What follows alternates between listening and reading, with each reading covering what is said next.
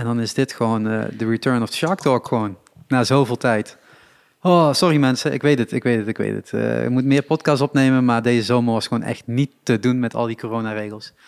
En uh, nu zitten we weer in een soort nieuwe soort lockdown situatie. Dus dan heb ik eigenlijk alles weer opgestart en dan kunnen we weer terugkruipen in de schulp. nee, er is gewoon veel aan het gebeuren. Dus daarom tot, die, tot de podcast even wat rustiger zijn geweest. En natuurlijk naar alle, alle Q-talks en DNS-podcasts die we ook nog hebben gemaakt. Uh, in het begin van, van deze periode. En nu valt het gewoon weer terug op het volledige Shark Talk gedeelte. En dan kicken we gewoon meteen weer in met muziek, want dat is toch eigenlijk de main topic uiteindelijk gebleken van deze hele podcast.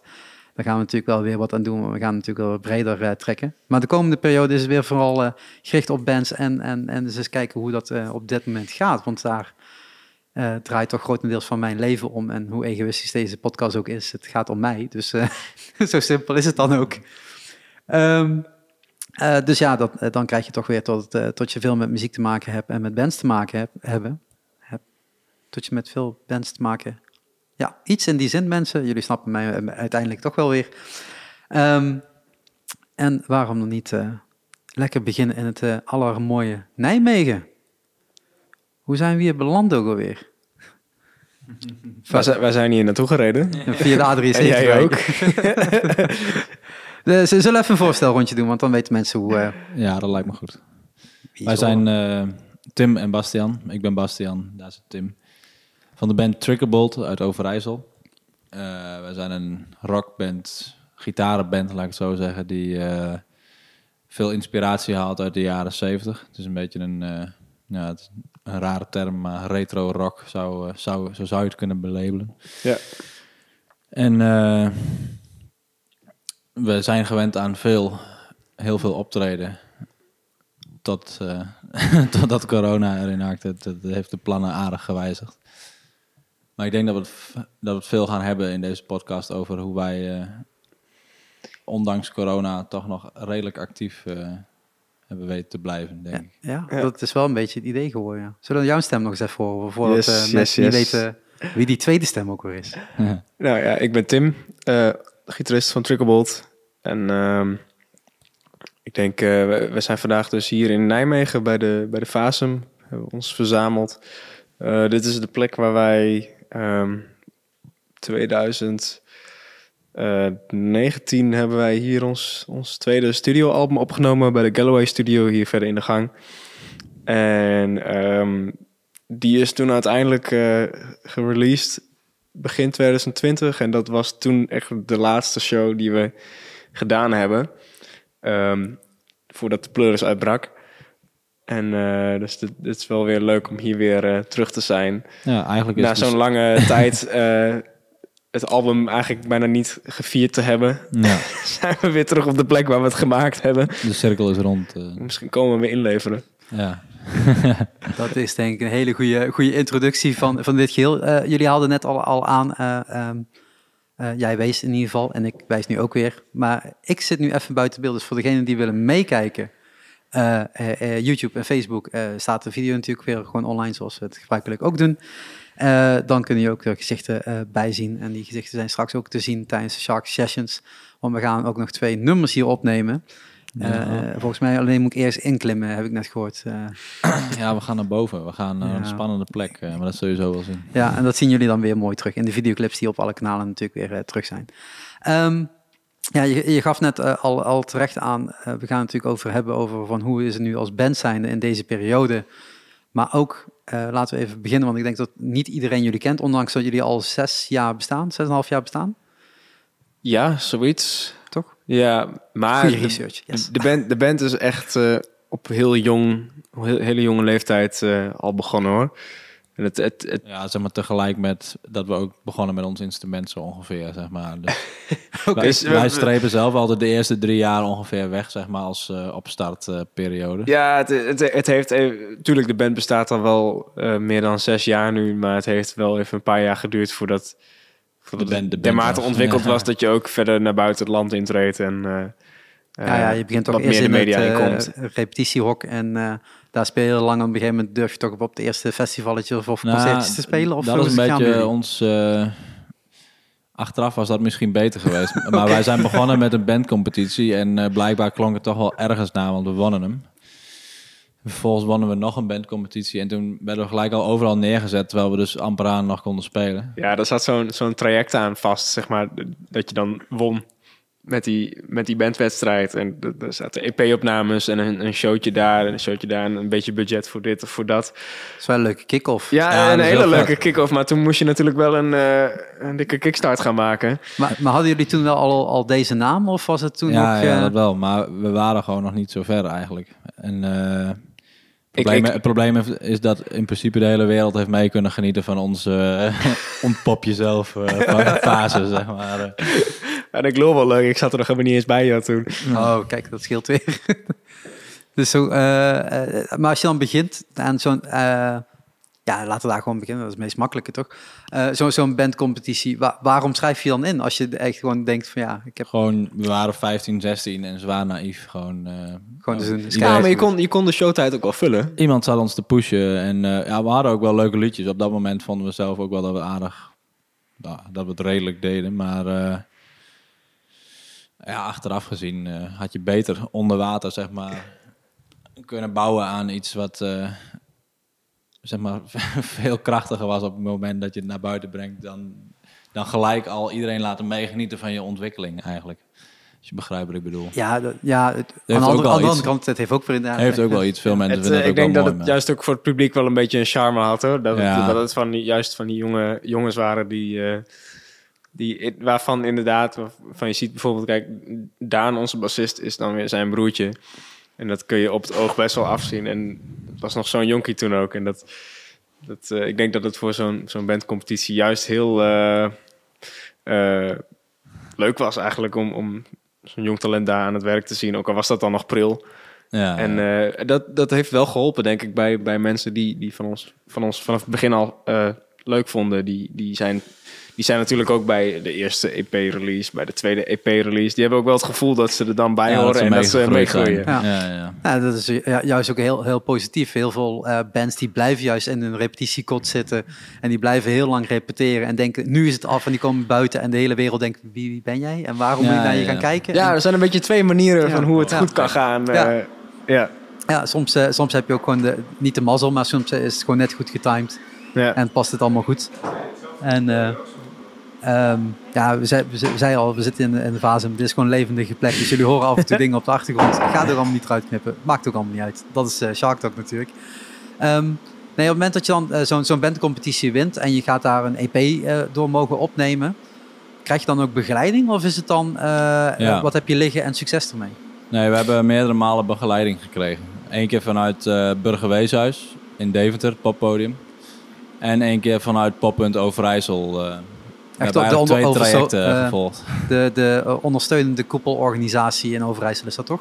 Voor alle Ja. muzikanten. En, Ja, eh, ja, Er, er- er wordt best wel goede aandacht aan besteed. Aan, eh, op meerdere plekken in Overijssel eigenlijk om zulke soort dingen op te zetten voor eh beginnend talent. En als je dan eh, zo'n EP mag opnemen, is het dan ook een release show automatisch in het Burgerweeshuis dan? Of eh, wat? eh, In dat geval, die, bij het Burgerweeshuis traject wel, ja. We hebben het twee keer in de Burgerweeshuis gedaan, toevallig. Ja, Maar, eh, en ehm, wij hebben één keer...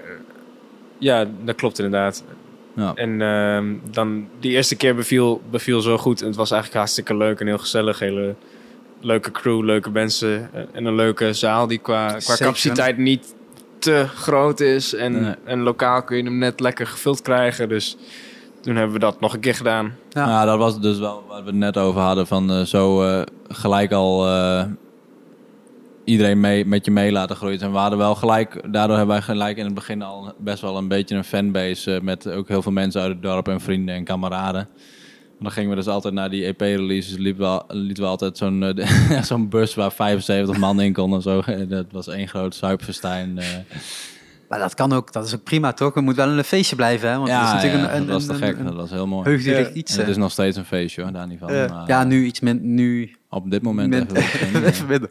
Ehm, en wanneer kwam, kwam jij dan bij de band? Is dat echt al eh, in, in die fase al geweest of iets later? Iets eh, Ja, echt eerder. Nee, nee, zij, zij wonnen ooit die, die bandjescompetitie. En ik, later ik stond, ik bleek, ik stond in het publiek eigenlijk. Ik vond het ook wel leuk. Ik dacht, nou, nou, klinkt wel... eh, Ja. Klinkt wel vet. En eh, niet heel veel later kreeg ik toen een keer een telefoontje. Eh, want ze zouden een, eh, ze zouden een, eh, best wel een aantal shows gaan spelen, waarvan ook een festival. En eh, hier, lekker suikerklontje.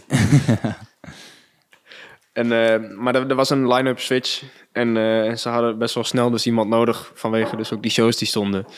En dus toen ben ik heel snel allerlei dingen gaan, gaan ja, oefenen. En toen binnen twee weken was er een grote show op een of andere mainstage bij, eh bij Stoppelhanen Festival Raalte. Ja, Tim heeft volgens mij echt letterlijk twee weken gehad. eh, twee weken Ik had twee gehad. weken gehad en toen, maar dat, het- dat was dus ook het flauwe. Kijk, die, die show, dat, die show die, die hadden jullie dus ook gewonnen. Dus dat was, dan kreeg je een spot op de mainstage van, Ja, dat Stoppel was aan en Raalte. Ja. En dan mag je spelen. ja, en eh, Succes ermee. succes, succes ermee. Het podium is, echt- ik weet niet hoe groot, zeg maar. Het gaat echt nergens over, maar dat was wel, eh, ja, dat was een hartstikke leuke eerste, Ja, jij eerste was, binnenkomen. Jij was 15 geloof ik. Ja. Dus, Ik kreeg twee weken om die nummers in te studeren. En toen mocht hij ook zo'n beetje in je eigen woonplaats eh, op zo'n podium spelen. Waar normaal, eh, weet ik veel, Anouk en Waylon en eh, Van Velsen en zo. Dat soort bands De, treden de, op. de kleinere van deze wereld. ja. ja, nou ja, ik- ja, je moet toch ergens beginnen, denk je dan, hè? Ja. Als je dan daar headlined en zij staan voor je, ja, wat wil je dan nog meer, toch? ja, dat is lachen. Dat is geniaal. Ehm, en eh, wel, hoe lang is dat dan ongeveer geleden? Dit Geleden, geleden, sorry, 2015 of zo, Nee, denk Nederlands ik. proberen te praten. Geleden. 2015 denk ik dat het was. Ik denk 2014 zelfs al. Oh. Maar, maar dat weet ik niet zeker. Maar in de- ja, of 2000, één van de twee. Maar dat is een tijd geleden. Maar, maar dan heb je een EP opgenomen, dan heb je je eerste podiumpresentaties gehad. Toen was het echt eh, gewoon kilometers maken. En eh, omdat het nog dermate nieuw en fris was, hebben we zo'n beetje elk lokale kroeg, dorpsfeest, Ja. rockfestivalletje. Wij- dat is echt, is echt waren- bizar in, in je eerste Ja. paar jaar van een band hoeveel je dan eigenlijk Kunt kunt, spelen. Want je bent overal nieuw. ja, je, bent, overal voor het eerst. Je En, bent die eh, jonge band die eh, rockmuziek maakt. En al die oude lui vinden dat wel grappig, zeg maar. Dus je kunt echt overal voor een paar honderd euro... eh, nou, kom hier maar. ja. We speelden gewoon gelijk 50 keer in het jaar of zo. Dat is wel een flinke, eh, Ja. ook voor zo- zo'n jonge, op zo'n jonge leeftijd. Ja, dat was Dat is wel, flink eh, aanpoten. Wat, was wat hebben jullie aan opleiding daar langs gedaan dan? Ja, Toen zat ik nog op de middelbare school, geloof ik. Maar, ja, ik ook. ja. Dus dat was eh, de wiskunde en, en, en aardrijkskunde Ja, moesten ja, nog. ja. En dat moest maar ergens eh, tussendoor ge, gepropt worden. ja, ja. Hoe, hoe hou je dan... eh, ehm, ja, niet zo, de, de band bij elkaar is niet zo, niet zo het probleem. Maar hoe hou je dan je leven bij elkaar om zowel eh, een aandacht op, op school te hebben, maar ook voor die band? Want Ja, het is denk ik als je voor... 50 keer speelt, dat is gewoon echt ieder weekend aanpoten. Ja, dat klopt. Maar stiekem heeft iedereen wel zo'n jongetjesdroom van wil groot worden in een band. Dus dit, ergens zal dit dan altijd wel net vooraan krijgen. Als je een paar vette optredens hebt. Ja, Maar we dat- hadden het er ook bijna niet over eigenlijk. Het ging gewoon een, een- ja, iedereen, niemand van ons was echt een problematisch op school, zeg maar. We fietsten er allemaal wel redelijk makkelijk doorheen, volgens mij. Dus eh, Ja, het is nooit echt... eh, er zijn nooit... We hebben nooit optredens of dingen hoeven eh cancelen. Omdat Nee, het in de knoei kwam met andere hobby's of andere dingen, zeg maar. Of, of school, je zou inderdaad zeggen, achter, ik heb er zelf nog nooit zo over nagedacht, maar achteraf gezien zou je zeggen dat dat geheid voor problemen moet hebben gezorgd. En boze ouders en slechte cijfers en weet ik het allemaal. Maar dat is allemaal wel Ja. meegevallen. Dat is, dat is ook alleen maar fijn. Je, hebt, je hebt inderdaad horrorverhalen dat het echt, eh, hè, tot de ouders zo boos worden dat je helemaal niks mag en kan. En dat je Ja, dus geen ja. optredens hebt, want ja, eh, school gaat voor. Ja. en Nou, andere verhalen juist van eh, drop school en ga alleen maar op de muziek. En dan eh, drie jaar later komen ze erachter tot je toch wel iets met school moest hebben. Ja, het is een beetje dubbel ook. Omdat, denk ik, zowel bij jou als bij mij... eh, ook op middelbare school hadden we dan ook wel zoiets van... Weet je, het doel is toch al wel om, om later iets in de muziek werkzaam... eh, eh, iets te zijn en iets te doen. En dan is dit alleen maar een leuke kickstart of een leuk voorproefje. Ja, Ja. En wat is dan de, de, de, de, de, het, het pad wat je opgaat tijdens zo'n school? Want welke vakken moet je dan vooral droppen? Want ja, je wilt zo ja. snel mogelijk eigenlijk door die scho- schoolcarrière heen, lijkt me je moest een eh, profielkeuze maken. En toen werd ik nog door een hele flauwe decaan... eh, ja, die, die bleef maar erop hameren van... ja, in de muziek ga je geen geld verdienen. En eh, dat zou ik niet doen, dat zou ik niet doen. Ja, dat, dat bleef hij maar zeggen. Op een gegeven moment ben ik hem gaan geloven. Dus dat is heel zonde geweest. En ik heb- ben dus uiteindelijk met een omweg... ben ik beland op de opleiding waar ik had moeten belanden. Maar en, en dat- om terug te komen op je vraag, je moet eigenlijk dan, zou ik het eh, profiel cultuur en maatschappij of zo, zou je dan normaal gesproken gaan doen, denk ik. Ja, dat eh, had ik ook inderdaad. Als je ergens het vak muziek en kunst erbij in kunt fietsen, dan op die Ja. manier dat doen. Ja, ik ben echt van de hele oude stempel, hè. gewoon MAVO. Dus voor mij Oh, is dat echt zo, want ik, ik ken al die profielkeuzes niet. Ja, precies. Ja, dat zal nu ook al wel anders zijn dan Ja. in onze tijd. Ja, en het, het hele aanbod voor, voor muziek het is ook niet dermate groot of zo hoor op zo'n school. Maar dan kom je wel een beetje met mensen in contact die je daar, nou, behalve jouw decaan dan, die je, er, die, je er Ja, wel, precies. die je er wel in stimuleren om te Ja. doen wat je wil doen en eh Ja, zodoende. En ik heb echt onnodig zitten zweten op scheikunde en wiskunde en zo. Terwijl ik er gewoon echt mijn hele leven na school gewoon nog geen één seconde meer wat aan gehad heb, zeg maar. Dat is echt gewoon... Ja, ons schoolsysteem, het is echt... Grootste eh, bullshit Dat is echt iets apart, ja. Maar wat heb je dan da- daarna gedaan? Zijn jullie dan eh, muziek gaan studeren of zijn jullie naar... ja, wij eh, zijn, wij zijn allebei muziek Ja. gaan studeren. En waar? Jij zat in Leeuwarden. Allebei op een iets andere manier. Ik ben eigenlijk cultuur, meer cultuur, muziek gaan eh, studeren. En jij echt letterlijk muziek, zeg maar. Ik, eh, de Artes Conservatorium in, eh, in Enschede. Oké. Ja. Ja. En dan is het heel fijn dat je een band erbij hebt, want dan kun je Ja, daar Oh ook... ja, dat was, dat was de leidraad ook gewoon gelijk door de opleiding eigenlijk, zeg maar. Ja, en dat is ook, denk ik, kijk, stel nou, je komt met, eh, je komt met, met je band op plekken en stel dat wordt nou een keer heel druk en dat gaat clashen met je opleiding. Dat is natuurlijk tegelijkertijd het hele doel van die opleiding. Ja. mhm. Dat je, Ja. eh, Je leermomenten. Ja. moet, je een keer, moet je een keer vrij krijgen ergens voor, nou dan, hartstikke mooi. Weet je, dan gaat er blijkbaar gaat er iets goed. Ja, precies. Ja, dat was fijn. Maar dat is eigenlijk de afgelopen jaren dan geweest. Want, Ja, eh, ja. Hoe lang zit je zo'n opleiding? Ik ben nu anderhalf jaar klaar, geloof ik. Ja, en ik, ik- ik heb er vijf jaar over gedaan, zoiets. Ik ben sinds afgelopen zomer ben ik klaar met mijn, eh mijn Afgelopen zomer bedoel je deze zomer of vorig jaar zomer? Eh, deze Oké. zomer. Oké, ik ben net, net afgestudeerd Fresh bij, eh, bij mijn Ja. bachelor daar, ja. En, maar je merkt wel inderdaad, je laatste jaren is het zo je heel erg je eigen route zien, zien uit te stippelen en, en projecten doen. En dat is heel fijn dat je dat dan kunt combineren met wat je eigenlijk met de band al doet. Om dat alleen maar te versterken. Ja, precies. Weet je wat, je houdt die, die, die hele vier jaar dat je daar zit, hou je in je achterhoofd. Dat alles wat je daar leert, of de dingen die je, die je echt interessant vindt om op te nemen, dat, ehm, dat, dat met het idee dat je dat gaat gebruiken ook voor je band. Of Ja. voor je, Ja. Want dat is maar net zo handig om wel te doen. Ja, Aangezien je bent het toch, meteen eh, een goede proefkonijn, toch? Ja, eh, nee, maar dan is het ook veel makkelijker om motivatie ergens voor te vinden. Zeg maar, als je toch al weet dat je er in de praktijk ook echt letterlijk iets ja. zichtbaar iets aan gaat hebben, zeg maar. En, eh, want we hadden het er net over, eh, eh, je had de eerste EP kun je konden maken vanwege het winnen van de eerste competitie, de tweede EP door de tweede competitie. Ja, zo ongeveer. Ja, de tweede, wa- het tweede was eigenlijk niet een Nee, geen competitie. Je, had, je hebt burgerbeurs. Dus een, een, dus tra- een, een traject van een jaar of zo. En nou, een competitie is er niet, maar je, hebt, je kunt als band kun je een plan indienen en dan wordt daar wel in geselecteerd. Oké, En, ja, ja. ja. Dus op die fiets. Ja. En inderdaad, toen hebben we daar eh, hebben we- een tweede EP'tje meegemaakt. Nou, en een net iets betere eh, studio aanpak weer. Daarmee konden we bijvoorbeeld, we konden hem laten masteren in eh, bij New York, volgens mij. Zo, dat was dan heel stoer. Maar uh, Staat, tegenwoordig ja, maar leuk dat- in de persbericht. maar stelt er tegenwoordig niks meer voor. er, is dan eh. een, eh, er is dan een team dat met je meedenkt, ook in de release show, van hey, eh, wie gaat daarbij zijn aan fotografen en posters drukken. En, eh, ja, ja. ja. Heel veel van geleerd eigenlijk wel. ja, Want dan ja. neem je dan, die kennis neem je al mee richting school. eh, en dan krijg je van school weer een input voor het volgende. het versterkte elkaar Ja. de hele tijd. En het Mhm. was eh, ja. En, en is dat dan ook de werking geweest naar, eh, naar de plaat toe?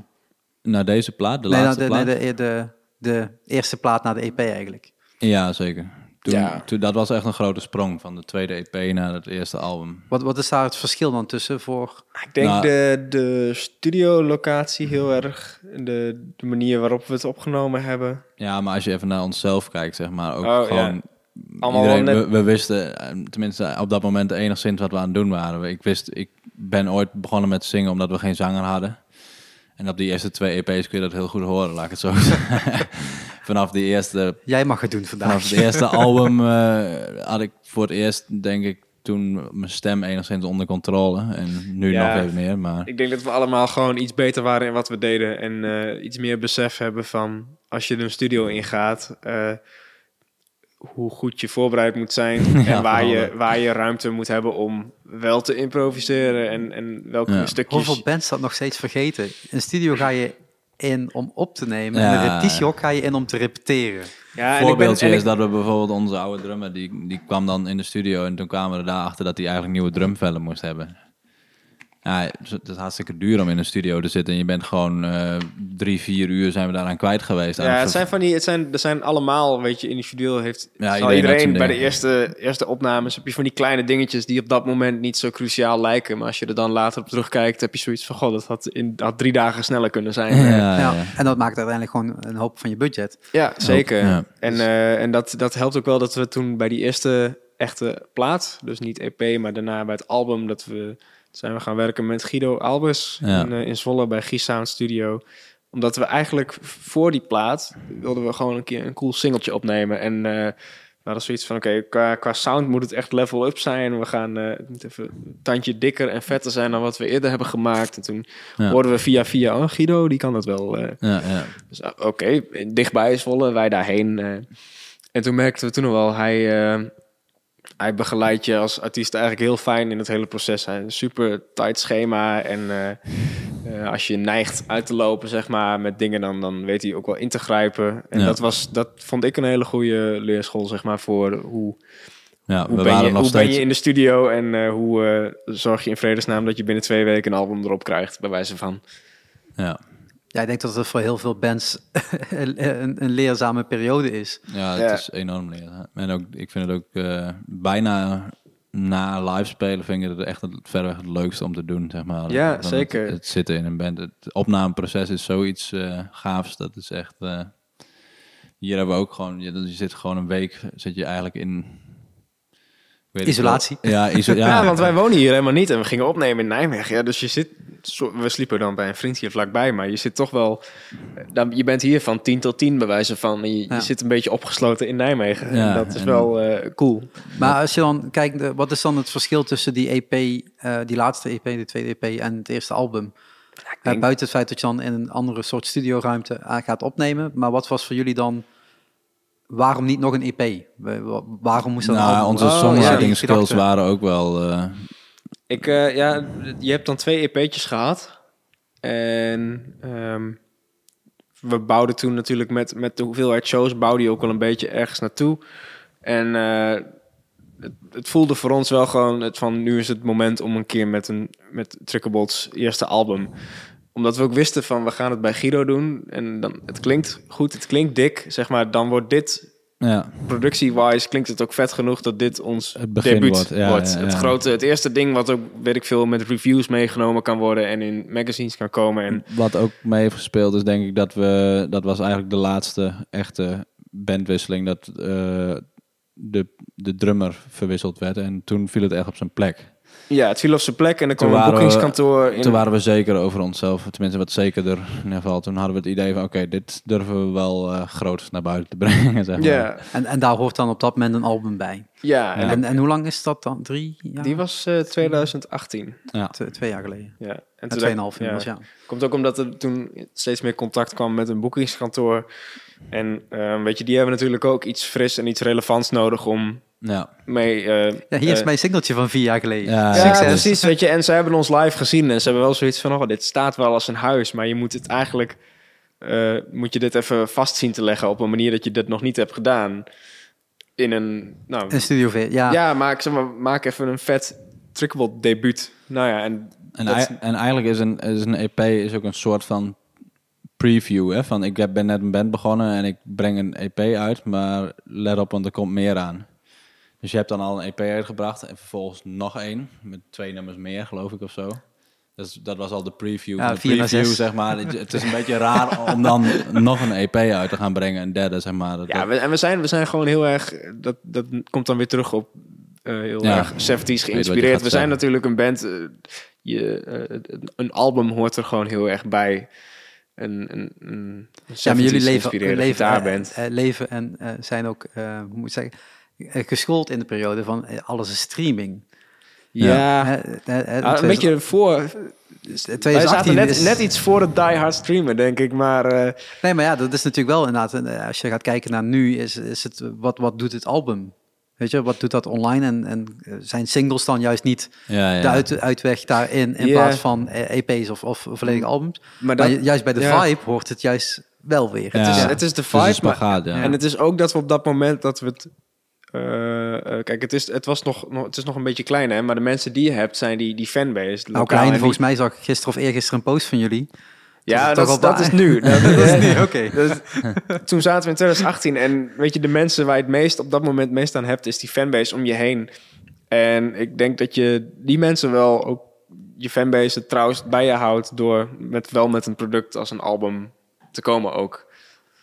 Kijk, het is voor ons was het een manier waarop we eindelijk al onze ideeën en al onze dingen echt kwijt konden. Dus creatief gezien was dat een hele goede.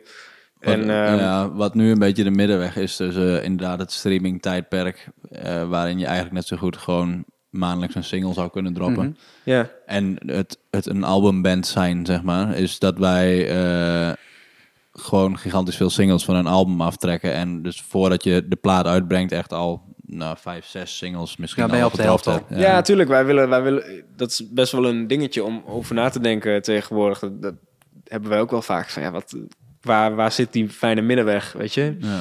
Dus, eh, Vroeger was het heel simpel. Je had Ja. gewoon één single bracht je uit. Dan kreeg je een tweede single. Dat was eigenlijk de promotie van het album. Ja. En dan kreeg je het album. En dan kreeg je, als je een goede tour had gedaan, kreeg je nog een live video of singeltje van de tour. bijvoorbeeld, ja. En dan had je je eh, twee jaren plan had je uitgeschreven. Ja, Ja. precies. En wij zijn best wel, dat is wel het leuke van onze band. Is om, ehm, qua vibe is het eh old school, maar we zijn wel allemaal jong en we zijn wel allemaal bewust van hoe het enigszins werkt qua Ja. streaming en Ja. releases. Dus dat is een leuke eh, middenweg, denk ik, dat wij een beetje best of both worlds. eh, Ja. Kijk, wat, wat ons betreft, inderdaad, eh, drop je singles en drop je singles en maar het hoort er dan ook wel weer bij voor ons dat het uiteindelijk wel gebundeld wordt op een mooie schijf vinyl. Ja. Weet je, dat, dat hoort er wel weer bij. Want we zijn natuurlijk sowieso een beetje in het genre waarin we ons bevinden. is een, een heel groot, een mooi aandeel ervan is het feit dat je iets fysieks ook te verkopen hebt. En iets kunt brengen aan de mensen. En, Ja, en wat jullie net al zeiden, van jullie houden van live shows geven. Ja. aan het eind van die show is het niet, eh ik ga maar naar buiten en doei. Nee, nee, nee, het hoort er echt bij dat mensen daar... Een, die merch stand is wel kunnen- een, heeft een belangrijke rol in onze eh, Ja. show, zeg maar. En hoe is dat dan? Hoe is dat dan? eh, hè, want dan heb je die plaat opgenomen. En dan anderhalf jaar. Wat heb je in die anderhalf jaar gedaan? Gespeeld, gespeeld, gespeeld, gespeeld. Spelen, schrijven, alweer. Gewoon, het schrijven gaat altijd door. Dus het, het Ja. is niet dat wij op een bepaald moment zeggen van nu gaan we ons volgende album schrijven. En het is gewoon eh, een, een combinatie. continu eh, proces, zeg maar. Ja, en ik denk wat het vooral ook was inderdaad, is, is shows en dan steeds shows op grotere plekken. En dus steeds meer nieuw publiek winnen en ehm, binnen in de muziekmarkt ook steeds meer je netwerk een beetje vergroten en vergroten. Mhm. Ehm, dat, dat is denk ik het grootste gebeuren geweest tussen plaat 1 en plaat 2.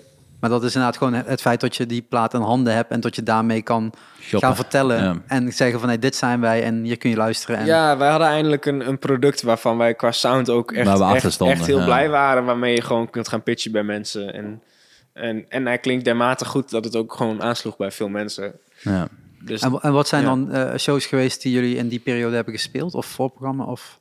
Ja, Ja, Zwarte dat Cross of zo. Of, ja, dus eh, we hebben Zwarte Cross gedaan, Manjana, Manjana. Eh, en ook een paar hele vette... eh, Dijkpop, Pessen, hoe heet het? eh, aantal bevrijdingsfestivals ook. Ja, grote bevrijdingsfestivals. eh wat hebben we nog meer gestaan? We hebben, een, we hebben ons e- eerste clubtoertje kunnen doen ook. Ja. Door, door podia in Duitsland en podia in Nederland. Dat Ja. was heel cool. Ehm, dat was voor ons ook een beetje aanzien van... Goh, hoe goed doet je muziek het waar ergens in het land? En dat, eh, daar waren eigenlijk best precies de goede locaties voor uitgekozen. Dat bij elke show toch best wel gewoon een driekwart gevulde zaal eh, daar stond. En dat was voor ons een hele fijne bevestiging van... oké, we- we weten, je, dan heb je voor jezelf de bevestiging van... oké, je kunt het bouwen, hoofdprogramma ja. kun je zijn. En dat, dat, dat doe je goed en dat slaat aan en dat werkt. Ja. En ehm, Dan kun je van daaruit verder bouwen. ja, Dus en- dat is eigenlijk dan wat je met die eerste plaat ja, ook inzet. Dus dat is niet meteen van ik moet eh, alle grote, grote eh, zalen zelf kunnen vols- volspelen. Dit is een tool om mee te groeien. Ja, Ja, je moet zeker. ergens... Wij, wij, wij geloven altijd een beetje in het olievlek-principe, zeg maar. Wij hebben dan met die eerste twee EP's een olievlekje in het oosten van het land gecreëerd. Mhm. Daar kent men ons. Eigenlijk echt bijna elk dorp waar je in de regio komt, weten ze wel, hebben ze wel eens gehoord in ieder geval van Trikkerbol. Ja, als je 50 shows speelt, dan op een gegeven moment... dan- Ja, Ja, we, moet hebben, het wel. we hebben daar in al die dorpen ook wel een keer gespeeld. Ja. Ja. En wij eh, bouwen dat gewoon langzaam uit, weet je wel. We, zijn, eh, we gaan niet, nou, ik zeg niet nooit, maar niet. Het, het idee is om het langzaam uit te bouwen en niet allemaal losse, vlodder shows door het hele land te doen, waar je ja, toch elke keer maar voor een lege zaal speelt. Ja, Proberen en- die grens, zeg maar, steeds iets te verleggen. Ja. En op het moment dat je dan daarmee eh, gaat, gaat toeren, en je noemde net al, al Duitsland, ehm, wat zijn dan de keuzes geweest om in welke landen iets te gaan doen? Is het dan eigenlijk gewoon, dit past gewoon heel erg bij Nederlands, wij zijn Nederlands en we willen gewoon in Nederland heel veel dingen doen en toevallig komt Duitsland erbij? Nee. Nou, het is wel, Duitsland ligt altijd wel heel erg op de loer, gewoon ook qua wat voor muziek wij maken. Eh, en dat merk je dan ook snel genoeg bij het eerste kleine eh flutshowtje in wat voor klein cafeetje ook. Ja. Eh, raakt dat die mensen heel erg dit soort eh, heavy eh 70s-achtige rockmuziek, dat, eh, dat vinden ze echt ontzettend Dat vet doet het daar. daar wel, ja. Ja, Ja, dat ja. echt heel erg leuk. Plus dat het natuurlijk, eh, waar wij wonen, ik- ik- Amsterdam is, is Is twee, verder weg. twee, drie, vier keer zo ver als eh, Duitsland. Zeg maar. Ja. Dus herkenbaar. waarom niet? Ja. Ja, en eh, ja, dat viel mij heel erg op, echt bij die eerste paar showtjes. In, ook al was het een klein rockkroegje. Er, waren echt mensen die dan van tevoren al kwamen, die dan van elk merchandise item één ding wilden. Ja, en dan ja, echt, hè, eerste keer dat we überhaupt hier ever zijn. Heel gek. Maar, Maar, dat, maar dat eh, is natuurlijk ook wel de, de streamingwereld weer. Hè? Dus je kunt, je kunt van tevoren het bandje al ontdekken. Voordat ja, je dat, Ja, dat hebben ze denk ik ook wel gedaan inderdaad. Maar er is gewoon Ah, een... dat is eh, positief. de hoeveelheid eh, vaste, trouwe rockliefhebbers in Duitsland is gewoon vele malen groter. Ja. En dat is gewoon echt te gek. En, en, ze zijn je heel dankbaar. En zijn, zit er dan nog een verschil tussen de Nederlandse eh, en, de, en de Duitse eh, muziekbelevers? Ja, Ja. ik denk het wel. Ik hoef niet meteen fans te noemen, dat weet ik Nog niet. Maar, eh, eh, behoorlijk wat volgens mij. Kijk, het- je hebt in Nederland natuurlijk Heel voorzichtig zijn, maar... In Nederland heb je natuurlijk het principe van ik ga zo graag mogelijk, zo dicht mogelijk bij de bar staan en daar een beetje kletsen. Ja. En het, het ding bij de Duitsers is van kom, we gaan zo snel mogelijk vooraan staan voordat daar iemand anders staat. ja, ja.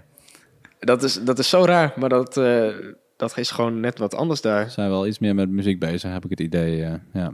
En hoe, hoe, eh, Op een andere manier, maar... hoe voelt dan zo'n show spelen voor jullie? Is dat dan ook andere manier van energie beleven? Of is dat dan... Ja, het is veel hoger. Je hoeft, eh, kijk, je hoeft niet Je hoeft er minder hard aan te trekken, voor je gevoel. Nee, je hoeft er minder hard aan te trekken. En, en uiteindelijk wordt het nog groter en gekker dan dat het uiteindelijk...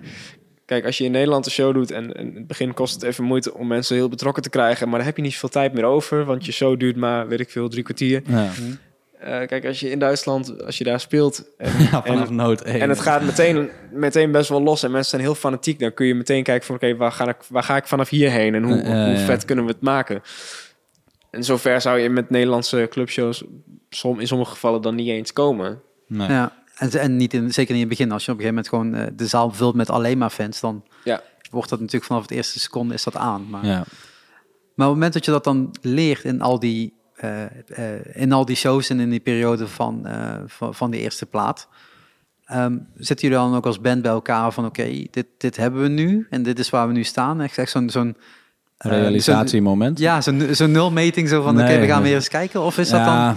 Het is heel moeilijk te peilen altijd met... met, ik, met ik denk dat wij onderling met z'n tweeën nog wel eens zulke dingetjes bespreken. Maar over het algemeen eh, zijn wij echt eh, best wel heel eh, nuchter in de band. Er wordt niet zo he- heel veel van dat soort gevoelsmatige Omhoog dingen. geprezen. Nee, zo, van die gevoelsmatige dingen, zeg maar. Wat, het, is, het is vrij luchtig altijd, de sfeer, laat ik het zo zeggen. Ja, en we zijn meer gewoon van het... eh, nou, we blijven gewoon hard werken. Ja, we zijn En, gewoon, eh, we doen ons ding. We knallen, we geven alles. En dan, ja, Nou ja, kijk, het is natuurlijk zo op het moment dat je echt een, een live band bent die daar zoveel uithaalt en die daar ook door kan groeien. Hetgeen wat je net zegt, die olievlek eh, eigenlijk verspreidt. maar, zeker in, in deze tijd dat er zoveel aanbod is.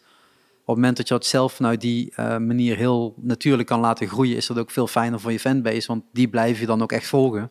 Ja. Ja. In plaats van, hey, hier ben ik één showtje en klaar. En dan eh, over precies. drie jaar kom ik nog eens een keer terug. ja, Ja. precies. Ja. Dus ja, dat, dat, dat helpt natuurlijk wel. Maar op het moment dat jullie dan eh, eh, die, die, die plaat live spelen, zijn er dan ook dan dingen waar, die jullie dan nog veranderen? Omdat ja, live werkt dat beter of werkt dat anders? Er gebeurt over een periode meer. van tijd gebeurt dat wel een beetje. Kijk, eh, is er een release show dan tegen die tijd, dan spelen we alles nog natuurlijk gewoon zoals het opgenomen is.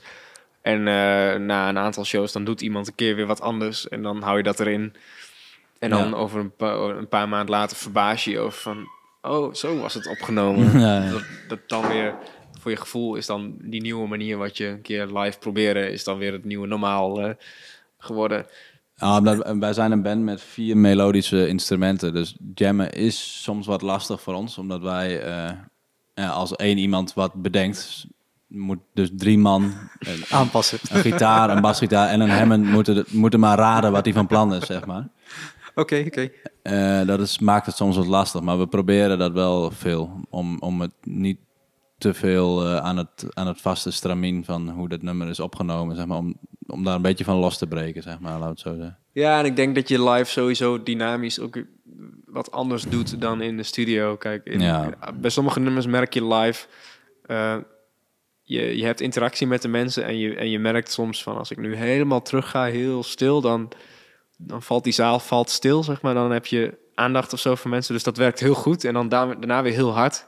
En dat, dat kun je natuurlijk van tevoren in de studio... is dat altijd een beetje gokken of, dat, of je dat daar moet doen of dat, dat Ja, of zou ja. dat Ja, het het voelt op, eh, in de studie voelt dat goed en dan kom je buiten en dan is het, nee, we zoeken dat moment. Ja, Ja, je, je dat kunt is, het alleen maar live aanvoelen. En daar Ja. worden we steeds beter in om met die energie te spelen, geloof ik een Ja. beetje. En is dat dan ook zo dat jullie dan in die anderhalf jaar ook nieuwe nummers beginnen te spelen al om te kijken wat werkt voor eventueel een volgende plaat? Hè? De, de, de, de- is wel het plan, maar Ja. dat, is, dat is gezien dit jaar een beetje lastig geweest. Want Nou, van, van, die, van die eerste plaat naar die tweede plaat toe. Hebben jullie dat daar al bijvoorbeeld al gedaan? Of was dat eigenlijk gewoon, het wat is, je net al zei, we, we schrijven gewoon lekker door en dat speel je dan nog niet?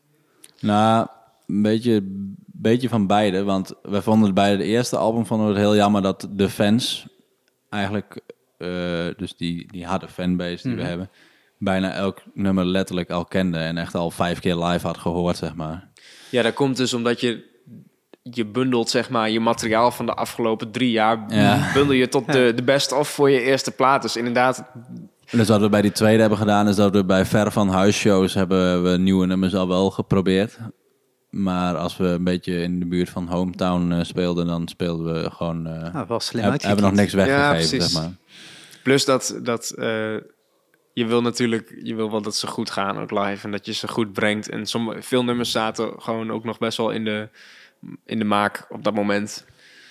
Ja, want wat kut is, is eh, dat, dat, dat ga je houden, denk ik. Dat kun je niet helemaal voorkomen. Maar je, heel vaak nadat je een plaat hebt uitgebracht en dan gaat spelen met die plaat, kom je erachter dus dat er in de studio eigenlijk dingen vetter hadden gekund. Daar kom je live vaak achter. Dat is waarom tot ze heel vaak een live plaat maken. Toch? Ja. Van dezelfde plaat die je al had, maar dan... En dat is dan, eh, dat is wel een reden waarom je inderdaad, in ieder geval voordat je gaat opnemen, wel probeert die nummers een paar keer live al eh, Om dat gevoel even te net testen. even- ja, Ja, om te ja, kijken of je inderdaad, wat jij net zelf al zei, die, die energiemomentjes en zo, of, of die wel werken op zo'n plek. Want het is allemaal theorie, zeg maar. Ja, ja maar, maar je leert dat natuurlijk ook door al, iedere keer die opnames te, te maken. Hè, van, van de eerste EP, tweede EP naar een album.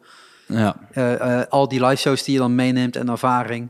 En dan werk je toe naar een volgende plaat. En wat je dan in het begin al terecht zei, dan kom je opeens in Nijmegen terecht. ja. Ehm, hoe, hoe, kom, hoe zijn jullie hier terecht gekomen? Is dat eh, gewoon puur doordat je een andere plaat hebt geluisterd en zei ik wil ook die sound? Of Ja, Ehm, wel een beetje volgens mij van andere bands gehoord dat het een toffe plek was, dacht ik. Ja, zo. we hadden, eh, we, we kregen een, weer een soort line-up switch. Een, een, ehm, Oh ja. Jimte zat achter de drums eerst, maar die had eh dubbelop, had hij ook Money in the Man als andere band. En eh, weet je, iedereen is nog steeds even goede vrienden, alleen de agenda's gingen een beetje... eh, Ja, soms wel lastig. dat, dat werd, gewoon, werd gewoon druk, te druk om, om focus op beide bands te houden. Dus toen zeiden wij en zei hij van, nee, dan is het beter als we gewoon eh, los doorgaan. En toen kwamen we toevallig bij eh, Lars Spijkervet. Die hadden we een keer zien drummen bij Automatic Sam op de cross. En toen hadden we zoiets van, hey, dat is heel... eh, dat is wel een... eh, toen nog van, oh, dan moeten we een keer als invaller... eh, Oh ja, ja. En toen hebben we dat. toen hebben we hem een keer gebeld en hij wilde dat wel. En hij werkt dus heel vaak hier bij Nijmegen bij de, bij de Galloway Studio. Dus hij tipte hem ook aan ons. Dus wij, nou ja, prima, weet je, cool, we gaan, eh, we gaan kijken. Is het vet? En eh, toen bleek het vet te zijn. Dus dat was waar, waar, je, geluk. waar let je dan op? Want ik, ik heb dat proces nog nooit meegemaakt. Dus Ja, waar- Ehm, waar, in, ons, let je dan op? in ons geval, omdat wij dus zo- zo'n uitgesproken eh 70s smaak hebben, let je ook heel erg op gear. Ja, je let op apparatuur. Lang niet overal staan nog eh, jaren 70 versterkers en synthesizers en drumstellen, weet ik het allemaal, eh, gitaren. Die vind je, dat, dan moet die studio moet ook wel die interesse hebben, zeg maar. Want Mhm. Ja, je Niet- moet, iemand, niet- je moet iemand hebben ook die daar de studio beheert en die Als je de producer microfoon daar praat, werkt. gaat het makkelijkst. Sorry. Sorry? Als je in de microfoon pra- Oh, praat, ja, gaat het eh, het, het helpt natuurlijk ook dat je eh, een beetje het idee hebt dat degene die die studio beheert en die de producer is, dat die, dat die een beetje eh, die smaak ook heeft en dat hij snapt waar je het over hebt. En dat merkten we hier gewoon heel erg goed. En wat ik zelf ook fijn vind, is dat het dus juist dit hele pand, het, wat is het, een oude spinnerij of zo? ja, het is een, Er is hier heel veel ruimte en je voelt een hele creatieve bloei of zo. Want er zit van alles en nog wat. eh, een dansvereniging, een, eh, een, eh, circus. een circus tentdoekmaker, eh, eh, eh, een dansschool zit er. En, eh, Ja, er worden ook, ook festivaletjes georganiseerd. Ja, Ja, hier alles geweest. hier. het voelt gewoon heel, eh, exposities en weet ik het allemaal. het voelt gewoon heel levendig om hier aan een album te werken. En, Ja. eh, en de, ruim, de opnameruimte zelf is ook heel ehm, heel fijn. groot en sfeervol. En het nodigt echt uit om daar ook on the spot te gaan creëren. Ja. En is dat dan een gesprek wat je dan met de producer eh, eh, voert van oké, hey, ik heb een budget van x bedrag. Hoeveel dagen kan ik bij je krijgen? Of is het... Ehm, nou ja, dat, dat kan inderdaad. Alleen eh, nu is het zo dat eh, Sebastiaan, het is gewoon een hele goede gast, Ja. die, eh, die hier de studio beheert. En dan gaan we gewoon samen kijken van, hey, ehm, kunnen, waar kunnen we tot een deal komen? En toen dat we tot een soort productprijs. En dan Ja. schatten we van, we, denken, we proberen er ongeveer zoveel dagen mee bezig te zijn. ja. Ehm, Wordt het iets meer, heb Wordt jij het pech. Wordt het iets minder, heb je geluk, zeg maar. Ja, ja, het is gewoon, gewoon projectmatig eh, denken. En Ja. iedereen Ja. moet daar zijn eigen normale, of zijn reële schatting, zal ik het zo Ja. zeggen, in, eh, in, eh, in maken. En dan eh, eh, in het begin eh gaven jullie al aan, dan zit je hier een week. Ja, twee, Ja, we twee, hebben, eh, twee keer een week, toch? we hebben het eh, vanwege de agenda van de studio en onze eigen agenda konden we niet Aan één We waren op dat moment ook nog niet alle nummers klaar, maar we hadden vijf nummers liggen. Ja. En er was een week vrij in de studio. Nou, wij konden ook een week. Nou, ja, dan gaan we nu in ieder geval een week de studio in. En dan wanneer deel 2 opgenomen wordt, weet ik nog niet. Maar eh, ja. Wacht even. Je hebt vijf nummers af. De andere, eh, eh, volgens mij zijn Ja, waren de ideeën lagen, maar het was nog, was we waren nog niet af. ready. Nog, wij, wij nog niet goed genoeg voorbereid om daarmee de studio in te duiken. Hoor je dat terug?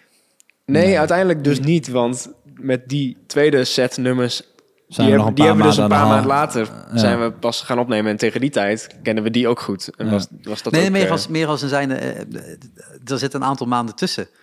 Of je dat kunt horen. Of je dat kan horen. Is dat, is dat iets? Wat zal het zijn geweest? Als ik een Zijn- foto moet maken ergens, dan de, de- het, na, of het reproduceren van dezelfde setting. Ik denk dat het, ehm, wat was het toen? Eerst februari en daarna Mm, eind april. of Ja, zo. zoiets, ja. Ja, ik snap je vraag. Je zou het haast wel zeggen, maar... Ik weet niet, we hadden steeds... eh, we hadden zo'n scuttlebra mee, we zaten hier te koken met z'n allen. We kunnen heel goed met de studio-eigenaar. En de sfeer was zo goed. Daar rolden we eigenlijk zo weer in de tweede keer. Dat is Ja. gewoon weer die vibe terughalen en dan Ja, eigenlijk ja, vanuit Dat was ook... eh, ik denk dat er ook nog wel een beetje overlap zat in beide sessies. Dat we bijvoorbeeld in die tweede sessie ook nog wel iets aan die eerste nummers moesten doen. Dus het, het liep ook wel beetje in elkaar over. Het was niet echt Ja. keihard twee blokken, zeg maar. En het is heel leuk dat je dan die, eh, kijk, de eerste paar mixes van die eerste vijf nummers, die hadden we binnen. Mhm. En eh, dan heb je wel, nadat je die, ehm, die eerste opnamesessies hebt gedaan, heb je ook wel de tijd om daar even op te reflecteren. En ja, dan, ja, dan heb je, dan weet je, dan is er nog een moment, twee maanden later, waarin wij, eh, waarin we daar nog wel aan kunnen sleutelen eigenlijk, als we willen. Ja, dat was Als heel fijn. is, ja. Want je- met de tijd kom je toch meestal wel tot een besef. En heel vaak, eh, als je hem dus in één keer opneemt, een plaat, dan heb je dus geen kans of, of geen geld. Om- Vaak het tweede. om later eh, nog weer terug te keren, om, om toch nog weer te sleutelen aan het een en ander. En eh, dat, die kans hadden wij die- wel hierdoor. Maar dat is... beide periodes zijn vorig jaar eh, 2019 geweest, hè? Wat je dan? Mhm. Ja. Eh, februari en april zijn het. Zoiets, ja. Voorjaar. Ja. voor- ja, ehm, dan, dan moeten vanuit daar weer eh, nieuwe plannen gemaakt worden. Is dat dan ook al meteen, we gaan het festivalseizoen in, ondanks dat de plaat pas Nou ja, veel was later gaat uitkomen? dat Of is was, dat juist eh, overslaan? Of? gewoon een beetje kijken wat je kunt krijgen. Op basis van die oude plaat nog, Ja. ja. Dat was Ja. gewoon eh, een beetje een, een tussenzomer eigenlijk. Was Wel een beetje Ja. Zoveel mogelijk nog proberen te teren op die oude plaat, maar ook niet te veel dingen pakken die je eigenlijk wil pakken op basis van de nieuwe plaat. Ja, dat was wel. dus we hebben een paar dingen ook wel afgezegd met het idee van hou hem warm Dat- dat voor komt 2020 2020. wel goed. Ja, Ja. ja. Eh, nee, nee, maar dat zijn natuurlijk wel dingen waar natuurlijk eh, een band over hoort na te denken. En eh, eh, eh, veel bands vergeten dat en die willen gewoon spelen, spelen, spelen. En die pakken alles. En Ja, dat is heel ja, aantrekkelijk. Zeker als je een keer weer een jaartje iets minder boekingen hebt. En Ja. dan, eh, ja, Dat is een maar dan, maar- dan is het ook wel een beetje. Op, dan moet je een beetje gaan nadenken van oké, wat, wat wil je, waar wil je dat die mensen je aan herinneren dan? ja. Kijk, als ze jou, als ze jou opzoeken ehm, naar een festival en dan vinden ze die eerste plaat, of wil je dat ze jou opzoeken en dan is ook het nieuwe product waar jij op dat moment Ja. het meest trots op bent, dat dat naar voren komt. Ja, want jullie zijn er al niet klaar mee, maar jullie hebben hem al opgenomen. Het staat er al op en dan moet je nog een festival zomaar in. Ja, dat is heel frustrerend, vind ik hoor. Dat vind ik echt moeilijk. Maar, dat eh, wachten. ja, dat het, ja. Ja. Dat is voor heel veel mensen moeilijk. Dat is ook, eh, ik denk wel dat ook dat het erbij hoort, maar het geeft wel de tijd en de ruimte om het product beter neer te zetten. Ja, ja. Dan zeggen van oké, Ja. het staat nu opgenomen en moet Je nu moet daar echt tijd voor nemen. En dat is ook iets wat we hebben geleerd met die EP'tjes en zo. We zijn ook ooit één keer door zo'n coachingstraject naar de eerste EP hadden we de release gehad. Was een leuke avond, gezellig en eh, gespeeld en wisten wij veel. Toen zijn we naar een soort coaching gestuurd van, en dat heette letterlijk een EP en dan. En daar zijn we echt helemaal in de pan gehakt. Gewoon compleet afgezaagd van... Geen tour daarna We hadden gepland, het eigenlijk was alleen maar... We hadden alles wat je aan een release verkeerd kunt doen, hadden we verkeerd gedaan. Want we hadden geen pers benaderd, er waren geen foto's, er was geen beeldmateriaal. En er lag compleet geen plan achter. Prachtig dit. Gewoon een Ja. gezellige avond. Maar toen waren wij 16 of zo. Ja, maar Ja. dit hoort er wel bij. En dit zijn wel van die dingen waarvan je... eh, eh, ik probeer het ook altijd in, in Limburg uit te dragen. Zo van... eh, je moet soms net even wat verder nadenken. Ondanks dat je zoiets hebt van... Ja, het, het, het is, het Ja, is eh, ja. lichter en nu... Weet je, het moet nu, nu niet. Nee, het moet nu niet. Nee. Je laat, hem, al laat je hem een half jaar op de plank liggen... dan kun je daardoor ruimte creëren om dan gaan nadenken... hoe ga je dat in de markt zetten. Ja, precies. Ja, dat is, dat is gewoon hoe het menselijk brein werkt. Dat als het, Ja. als het hot is, als het heet is, dan wil je het, ijzer- het ijzer smeden. Ja. Maar dat, het publiek beetje- weet van niks. Nee, het dus, publiek ja. weet van niks. Nee. Die weet niet wanneer het eh, klaar ligt. Nee, ja, ik bedoel, ik ben zelf weer bezig met, met het bevrijdingsfestival van 2021. Ja. Ja, dat zijn allemaal achter gesloten deuren gesprekken. Want ja, niemand is daar nu mee bezig. Zeker nu niet. Nee. mee bezig. Maar het hele bestuur, dat is altijd zo van... Ja, maar dit is wel nu, nu relevant. We moeten het nu doen. Ja. Ja. maar de buitenwereld gaat het niet weten. Als wij nu eh, opeens een andere keuze maken... Ja, boeien. maakt niemand wat uit. Nee, nee. Weet je, ergens pas in midden april begint iedereen weer een beetje na te denken... Oh ja, 5 mei. Ja. Ja. En de- alles wat je daar, da- daarvoor gaat doen is heel moeilijk om, om, eh, om mensen nog hun aandacht te krijgen. Dus je moet ook zo'n belangrijk moment hebben. Ja. En jullie belangrijke moment was gewoon begin van dit jaar. Ja. Ja, Met een, de- eh, een release show in de Hedon, zeg ik goed hè? ja, en we hadden... Ik, ik was nu voor het eerst dat ik echt blij was gewoon met de aanlooptijd die we hadden genomen dus ook. Ehm, want we hadden toen 2019 gingen we opnemen. Het- ah, kan die dan najaar 2019 uitkomen? Nou, dan Ja, zit de je, zomer over. dan, en dan dan zit je al met druktijd van de pers. Kijk, dat zou dan allemaal net kunnen. Ja. En toen heb ik volgens mij ook... Ja, ik wel- zeven, ben ik wel, toen ben ik wel een de van de mensen me- zeven, acht weken levertijd als je een vinyl wilt hebben ongeveer. Toen, ja, en toen ben ik wel een van de jongens geweest die ook zei van... We het alsjeblieft, het alsjeblieft gewoon naar februari, weet je. Daar heeft niemand last van. Het is voor ons alleen maar gunstig. Ja. En eh, nou ja, dat, dat- toen konden we dus... eh, oh ja, dat was het, want we hadden popronde 2019 zat daar tussendoor. Oh, ja. Eh, Dat is najaar altijd hè? Ja. Ja. Ja. en dat begon september. Dus dat was voor ons eigenlijk een perfect moment van begin nu met een singeltje. ja. Eh, clipje erbij. Toen hebben we in oktober hebben we nog weer een singeltje. En toen in januari volgens mij weer een singeltje gedaan. Rond de popronde. Eh, rond de Eurosonic. eh. Ja, nou ja, de- rondom die periode. Want dan, dan heb je namelijk eh, heb je het hele land gespeeld. En weet iedereen je naam en dan komt die plaat uit. ja. Beter dat dan omgekeerd, zeg maar. Ja, zeker, zeker waar ja. Nou ja, en toen eh, is dus inderdaad de release show in Hedon geweest. En eh, er zou best wel een toertje komen in maart, april. Die stond best wel vol met... eh, nou ja, dan heb je natuurlijk de, de, de Koningsdag shows. En ja, we hadden gewoon een leuk toertje staan. was gewoon een leuk toertje, ja. Best wel, best wel heel erg druk voor en ook maart, wel april. leuke eh. aanvragen voor het festivalseizoen. Maar We all know what happened. Ja, maar wat, wat dan? Want dan is die platen, dan heb je hem eigenlijk echt net neergezet, Ja, fresh neergezet. Letterlijk, volgens mij drie weken daarna ging de lockdown erop of zo. Of, eh, Ja, Ja. maar kijk, het, wat ik al weet dat er iets achter, eh, ergens in Azië speelt iets, maar dat Ja. komt toch niet Ja, hier. En het is een ja, ja, griepje. ja. En, Ja, weet je wat het is? Eh tuurlijk, wij zijn de eerste, de eerste twee weken dat zoiets gebeurt. Eh, lig je ook helemaal stil en, en is het gewoon heel moeilijk. Je moet je even beseffen überhaupt en, en even gaan nadenken over wat je in vredesnaam nu gaat doen. Want dat is een beetje, eh, als alles zo stil ligt, weet je, als artiest zijn, je hebt continu de drang van, ja.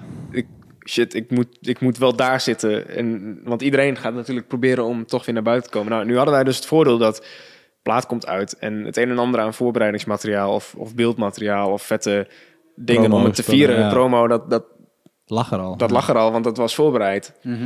Dus ehm, daar hadden we wel geluk mee. Weet je, we hebben die release show heel goed aangepakt met reviews en foto's en ja, ja. Content, en, en de hele content. en aftermovie en, Ja. en gewoon hele vette beelden, zeg maar. En daar kun je dan de eerste paar weken meer mee vooruit. Toen kwam... Nou ja, in die weken dat we die content konden gebruiken, moest ook nog duidelijk worden dat dit serieus even Ja, de real deal was en dat het echt nog wel een tijdje kon gaan duren. Want ja, dat was op dat moment echt nog wel een beetje de vraag, hoor. In we het dachten begin, echt nou, van, oh ja, einde van deze... volgende maand kunnen we weer of zo, Ja. weet je wel? Zoiets, eh, dat, Het is twee weken lockdown en daarna Ja. is alles over. volgens mij dacht iedereen dat in het begin Ja. een beetje. Ja, precies. Dus nou ja, die eerste periode kwamen toen prima door eigenlijk aan, aan content. En eh, toen, eh, weet je, kijk, met die plaat kon je dan niet zoveel doen, maar wel heel veel gerelateerde dingen. Kijk, we hebben, we hebben toen een webshopje even weer goed opgetuigd. En eh, weet je, mensen die vinden het toch heel leuk om op zo'n manier dan toch zo'n band te steunen. En dan, eh, weet je, dan komen wij of zelf brengen of eh, nou, sowieso de, hele webshop voorraad, dat, dat regelen wij allemaal zelf. En proberen leuke acties eruit te halen. Ja, ja.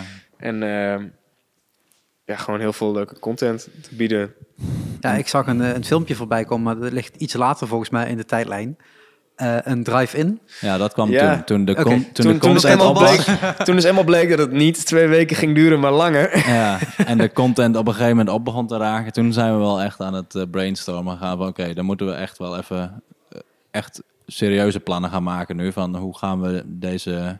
Ja, want je merkt gewoon, kijk, natuurlijk, je kunt blijven posten en blijven posten, want dat is natuurlijk een hele makkelijke eh, uitweg of om, om, om je te laten horen. Maar je merkt gewoon mensen, je bindt mensen toch gewoon het beste met, met een keer live iets doen. Dat is Mhm. gewoon, dan hebben je fans weer echt zoiets van, oh, dat was nou echt Ja. mooi, weet je. Dus eh, toen zaten we in mei en toen, eh, ehm, wij dachten, nou, drive-in concert of zo, dat, dat moet toch ergens te doen zijn. Nou ja, het begon volgens mij met dat we zo iets hadden van...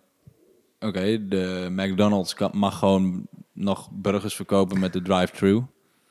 Waarom kunnen wij dan geen muziek verkopen met een drive-thru? Weet je wel? Dat is een hele goede bedag, de, Ja. bedenksel. Ja, toch?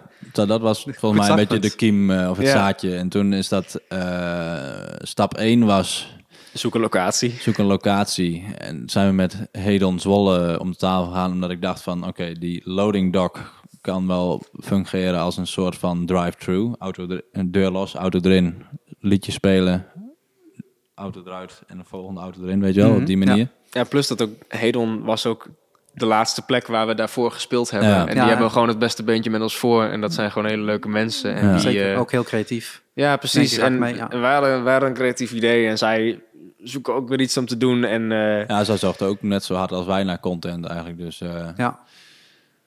Ja, en iets leuks om te doen. nou, Eh, zij, zij dol enthousiast over dat eh, drive-thru idee eigenlijk. En toen is dat eh, productioneel gewoon, hebben we daar even twee weekjes eh, zijn er overheen gegaan om dat een beetje te realiseren. ja. En om vooral om te kijken wat kun je wel, wat kun je niet doen.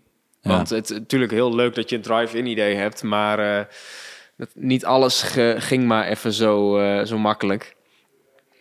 Nee, ja, je kunt hele leuke dingen bedenken en uiteindelijk eh, komt de overheid en die zegt, nou, weet je wat, ja, Eh, dit ga jij nu niet meer doen. nee, precies. Terwijl het gisteren geen enkel probleem was, Ja. maar vandaag is dat opeens een ramp. ja, het was net spannend. We konden, we waren daar, eh, we moesten ons echt limiteren tot weinig mensen. Ja. Ook, ook met, je kon daar drie auto's, drie motoren achter elkaar zetten. Dus nou, op zich wel leuk. En het idee was dus om eh, daar over, over die hele middag om dan eh, vier of vijf keer mensen te laten roleren. Hè? Dat wij dan vijf nummers of zes nummers of zo speelden in totaal.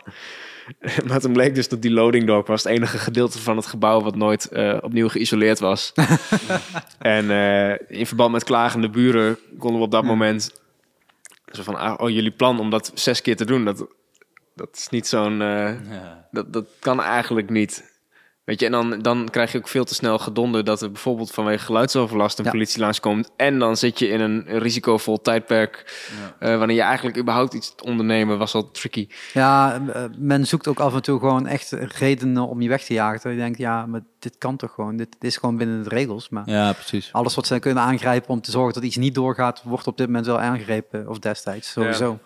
Eh, dat hadden wij ook met een, met een- een show op een voorportaal van een winkel. Ja, in die winkel is altijd muziek. Ja. Dat mag wel. Eh, maar zodra je de box naar buiten keert, mag je het niet. Ja, Ja. buiten staan volgens mij allemaal nog steeds veiliger dan allemaal binnen zitten. Dus eh, nee, we moesten allemaal met z'n allen gaan binnen staan. Denk ja, maar dan denk je ook niet mee. Weet je, dan is het ook gewoon nee, eh, allemaal redenen zoeken om, om dit maar niet te laten gebeuren. Ja. Terwijl als je gewoon een beetje, een beetje meedenkt en ook gewoon denkt van ja, oké, we moeten wel met z'n allen iets proberen te doen. En dan is zo'n drive-in een heel goed idee. Ja. En dan kom je inderdaad achter van wat kan wel en wat kan niet. En we hadden ook zoiets van, toen wij op een gegeven moment een beetje eh, qua opties waren gelimiteerd met wat kon, wat mocht.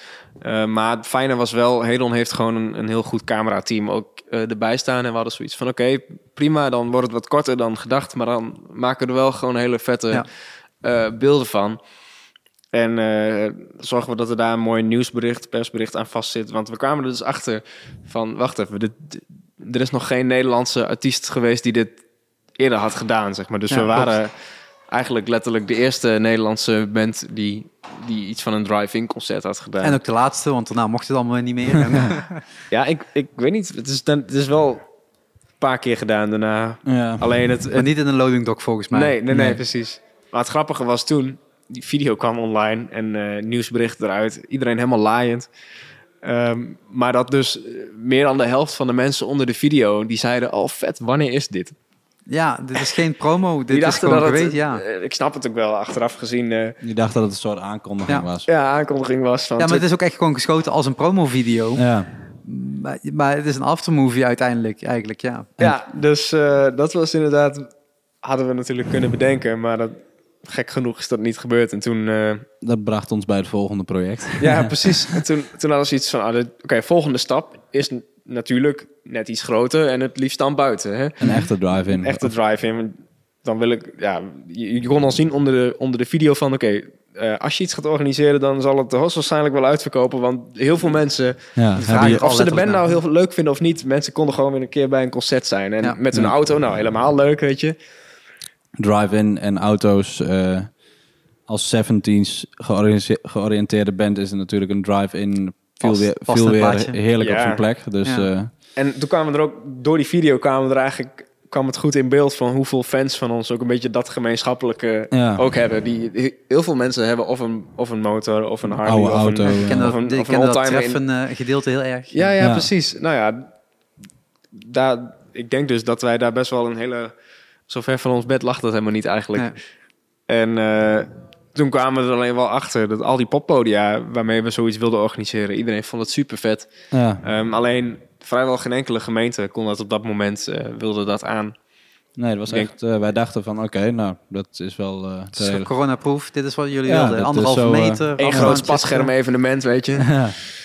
Maar eh, dat, dat werd even flink lastig gemaakt. En Totdat we, ik weet niet meer waarom we dat niet in de eerste instantie al hebben gedaan. Maar ja, wij wouden het graag met een poppodium doen, omdat je dan ook gelijk al eh, een, productieteam hebt een en, weet je, en zij kunnen weer wat doen. En dan heb je een, een persteam erachter. Al op laatst dachten we van, oké, lukt niet. Wij hebben hier in eh, ons dorp ook wel weilanden genoeg. eh laten we het eens vragen bij onze eigen gemeente.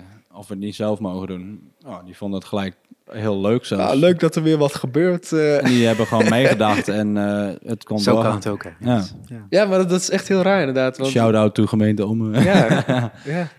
Ja, maar het is natuurlijk ook wel zo van sommige burgemeesters, want daar gaat het vaak dan eh, om, de veiligheidsregio's, die dan denken van ja, we moeten vooral niks doen, want dat is wat er opge, opgelegd is. Ja. Terwijl anderen zeggen, ja, er is niet opgelegd dat we niks moeten doen. Er is opgelegd dat we aan een bepaalde regels moeten houden. Ja, ja, ja. Ja, Als je kijk, binnen en die regels kijkt, dan bij, is het best veel, wel eh, mogelijk. bij, veel bij veel gemeentes kaatst het af omdat je dan eh, op een... Kijk, stel je zou in een Zwolle, Deventer of bij een Arnhem of Hengelo of wat dan ook zitten... eh, dan heeft het natuurlijk, als je ergens een evenement houdt, heeft het gewoon een aanzuigende kracht. Om- Je ziet dat er Ja. iets gebeurt. ja. En natuurlijk, je kunt op het terrein kun je wel reguleren wat je wil. Maar als daar buitenom mensen gaan verzamelen, dan hou je niet in de hand, zeg maar. Plus we waren best vroeg en eh, geen één gemeente... Dit zou echt het eerste evenement niemand durfde worden. echt de eerste te zijn, weet je wel. Omdat je dan... eh, ja, stel het escaleert, dan heb je niet de mogelijkheid om te wijzen van... Ja, maar daar deden ze het ook. En ja, weet je wel, al die gemeentes waren heel erg de kat uit de boom aan het kijken. Ja, maar je zal maar die burgemeester zijn van het... Ja, eh, precies. Ja. Van, van Tilburg in dit geval. Ja. waar, waar opeens heel veel mensen... eh, weet je, dan heb je ja gezegd en dan Ja, breekt dat- het wel de pleuris Dat, los. wou- ja. dat wil niemand. Nee, dus, eh, dat, dat- Ja. Maar dat kun je ook niet maken richting je burgers. Dus het is ook heel begrijpelijk dat sommigen ja. heel terughoudend zijn. Maar ja, je moet wel bedenken wat er wel mogelijk is. Ja. Mhm. Maar Ja. wanneer hebben jullie dit dan... Nou ja, we zijn, we zijn toen, denk eh, halverwege mei, toen die video eenmaal uit was, toen zijn we gaan brainstormen ook met onze boeken. En met, met eerst ook met Hedon en toen met Metropool, met Luxor Live, het Burgerweeshuis. Die- Ehm, nou ja, gemeentetechnisch lukte het allemaal niet om hier een vervolg aan te geven. En heel toevallig kwam ik toen terecht in een of ander ehm, eh, demo pitch panel van Pop Radar Den Haag. Eh, Marco van eh Sniester die organiseert dat en volgens mij Janneke die zoekt daar voor elke editie weer een aantal professionals of mensen uit de industrie bij die daar je ding komen beluisteren. En er stond niet echt een inschrijfeis bij. Ik dacht demo erop. Ja, ik heb niet echt een demo en misschien zijn we ook niet eh, het, het band hiervoor. Misschien zoeken ze echt kleine bands met demo's. Met voor de eerste EP staan. Precies. Alleen toen dacht ik van ja, maar dit videootje wat we hebben is eigenlijk gewoon een soort demo-versie van wat we willen doen. Dus ik ga, ik ga er gewoon zo in vliegen. Ja, ja, ja. En eh, uiteindelijk vonden ze het hartstikke leuk. En eh, ze hadden eh, Peter van Elderen, dat is de, de oud-frontman van Peter Pan Speedrock, Mhm. die, die zat daar in dat panel. Nou, die, had, die kende ons al en die, vond, die was hartstikke enthousiast over de muziek. En toen vertelde ik dus wat ons plan was. Maar dat het zo moeilijk was met de gemeentes om dit te realiseren. En toen zei hij dus van... Ja, maar dan draai je toch gewoon om. Dan ga je toch op een kar staan en dan ga je door de stad rijden. Want dan ben je officieel geen evenement aan het houden en ze kunnen je niet pakken. je bent sneller Nou ja, dan ik hem. vond het een super vet idee. Alleen dat bleek natuurlijk veiligheidstechnisch never nooit te kunnen. Al rijdend op een wagen met je apparatuur. eh. Nee, dat ging, eh, dat ging hem niet worden, helaas. Nee, precies. Maar toen hadden we wel zoiets van... Oh, je moet, hier is vast wel iets meer mogelijk. Als, Ja. je, op, als je op omgekeerde manier denkt. Hè? In plaats van drive-in, dat je een drive-to. Iets, iets brengt naar de mensen. Ja, drive-by is op een gegeven moment in Amerika natuurlijk een ander eh, Ja, fenomeen. is maar een iets andere betekenis gekregen. maar, maar dan, dan heb je dus weer een plan. Ja, dan kwam plan weer, nummer eh, drie. ja. Was dat, ja. Dat was, eh, daar heb je ook iets van gezien misschien? Ja, iets met een busje toch? Ja, Iets met een, met een heel leuk buitenterrein. eh. toen zijn wij, ja, Het eigenlijk... duurde even met organiseren, maar we moesten dus op zoek naar plekken waar wij als band buiten mochten spelen. Nou ja, heel veel Op straat. ka- eh, op straat of ergens bij een terras. Nou ja, ten eerste heel veel terrassen mogen dat gewoon qua vergunning niet. Dus het was echt zoeken, oké, zijn de terrassen die bij poppodia liggen of terrassen die, eh, die, die al meerdere Die al vergund zijn. bandjes eh, ja, hebben. Of in ieder geval plekken waar mensen het leuk vinden, dus waar er minder snel geklaagd wordt. Ja, Nou, en zo zijn we bij een aantal terrassen of van poppodia inderdaad beland, Mhm. of, of, of rockkroegen ergens binnen in de stad. Eh, en toen uiteindelijk hebben we zes locaties hebben we zover weten te krijgen die daar zin in hadden, die, eh, die ons graag wilden hebben. En, en wat ze dus vervolgens kregen was twee busjes eh, die wij eh, met de, de kont van de, van de bus naar het publiek toe zetten en dan open doen. En in één, in één bus stond een kant-en-klaar drumstel opgezet en al. En in een andere bus eh, stond het Hammond orgel met de Leslie speaker en een PA'tje eh opgesteld. En wij trokken onze versterkers eruit en gingen daarvoor staan. En Ja. dan het enige wat de kroeg hoefde te leveren was stroom. Ja. En dan was er een band die daar een uur heeft gespeeld. En Ja. ja, dat en was dat wel. ja dat kon. Ja, Ja, dat was vet. Daar hebben we zes shows dus in twee dagen tijd gedaan. daar heb je gewoon de tour, hè? Gewoon Ja. simpel is het ook, ja. Toen, ja, precies. Toen Je hebt de tour in coronatijd. Dat, Ja. dat kunnen niet heel veel mensen Nee, zeggen. inderdaad. Dus dat, dat, dat merkte je wel dat... eh, kijk, voor ons... Nou, we hadden op een gegeven moment drie shows gedaan... en dan kom je al wel een beetje in die flow... Ja. en wordt het alweer een beetje normaal of zo. Je krijgt gewoon weer dat tourgevoel... en dat, dat voelt gewoon weer gebruikelijk. ja. Eh, maar wat ik vooral zo leuk vond... is de, de verbazing bij mensen op het terras. En, want je, je vergis... Je, je- bedenkt daar, je bedenkt het dan even niet... van... Goh, die mensen hebben ook al een half jaar ja. niks meer aan überhaupt versterkte of, of zo, zoveel decibel op zich afgekregen. Dat is toch een, ja. dat is best een hele, hele ervaring om dat weer te voelen, denk ik. En dat, dat merkte je dat daar heel veel eh, enthousiasme op eh, Mhm. kwam. Ja. En dat was dus, we hebben dus en een tour gedaan in coronatijd, maar we zijn even vergeten te vertellen dat we met die grote drive-in dus, waar we dus 150 auto's en motoren Ja, zover, zover was je nog niet eens. Want dit, dit, dit toertje, dat was er. Maar dat, dat hele idee dus van waar het mee begon, Mhm. een drive-in concert, dat eh, lag eerst op een laag pitje. Maar toen dacht ik, ja, dan kunnen we dat niet toch nog ergens optuigen? En toen was het inderdaad dus onze eigen eh, Gemeente, gemeente, die, die vond het leuk. En eh, dus dat was leuk. We hadden dat toertje en onder de radar waren wij dus bezig om Oh ja. toch nog te proberen die tour af te sluiten met een drive-in een groot concert. evenement, ja. Ja. Dus toen switchte je weer van drive-to naar drive-in. Mega verwarrend. Volgens mij, iedere journalist snapte er echt geen donder van. Wat gingen jullie ook weer doen? Jullie gingen iets met auto's doen. Ja, ja, iets met Ja, auto's. iets met auto's. Rijden.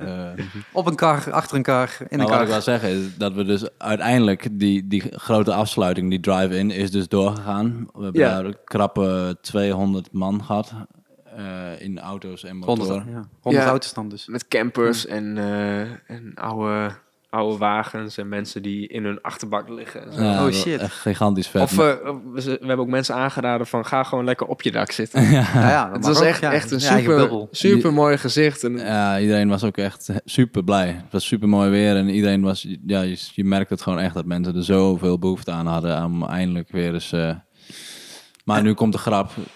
en toen ja. hebben, wij hebben dat dus allemaal opgenomen, dat hele concert.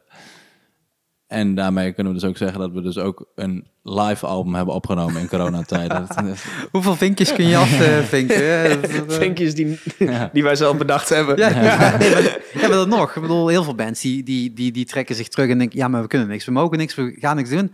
Eh, we blijven nu zitten en eh, we gaan nog wel wat verder schrijven. Ja, zo, dat, zo, hadden zijn wij, zo heel- hadden wij er ook bij kunnen zitten hoor. Alleen ik denk dat we gewoon geluk hadden met dat op een gegeven moment dus in mei dat drive-in idee een beetje opbollerde. En dat we toen een soort van helder Ja. momentje hadden dat het allemaal... Ja, maar het is dan wel een actieve houding ehm, ja, Ja. vanuit, vanuit, vanuit jullie als band zijnde van oké, eh, we, we- we hebben al eh, eh, de, de, de eerste tour na de release ging niet door.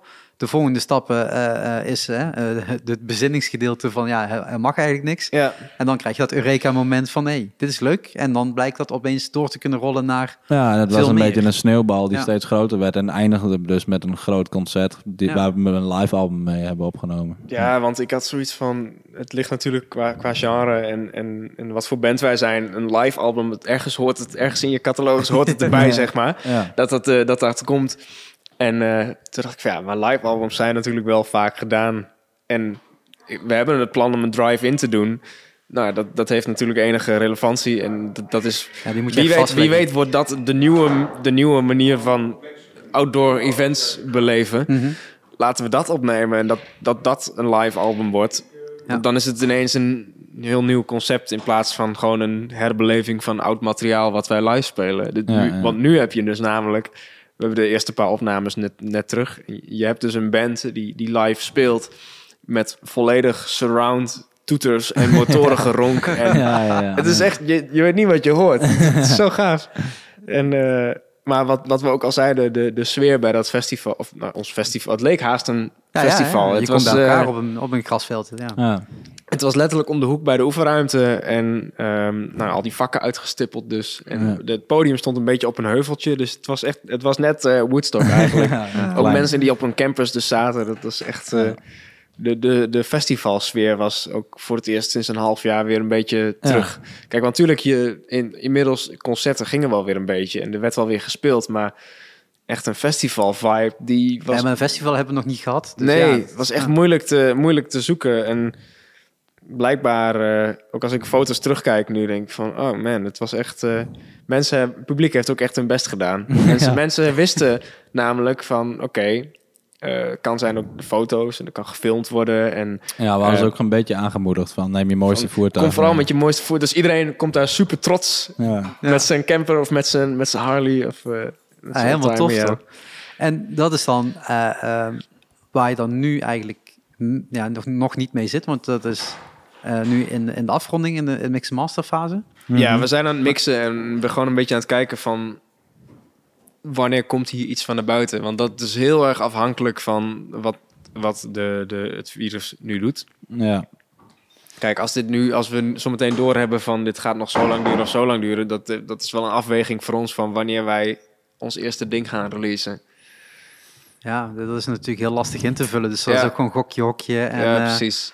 Eh, als je hem nu op 1 januari uitbrengt, dat, dat kan zijn tot dat dan eh, de start is van nog een heel rampjaar. Ja. Maar het kan Ja. zo goed zijn totdat eh eh, twee weken later toch blijkt dat, eh, dat je een hele leuke live eh, eh, eh, album hebt, hebt gemaakt. Maar ondertussen is live weer volledig opgestart. En eh, Ja, ja wij, dat wij dan- hopen eigenlijk, eh, wij hopen hem eigenlijk een beetje te releasen op zo'n manier waarop we hem ook gehouden hebben. Dus ja. zomerdag op datzelfde weiland, maar dan proberen nog meer mensen erbij te krijgen in de hoop dat het dan ook mag. ja, we gaan hem releasen met een drive-in. Het wordt niet, het, het, het wordt geen eh, re- release show Online, van een, het wordt geen drive-in plaat release show in een poppodium. Nee, dat, nee, zou, nee. dat zou heel scheef zijn, Ja. namelijk. Dus ehm, Dus dat betekent dat je daar weer meer dan een half jaar eh, op die plaat gaat zitten.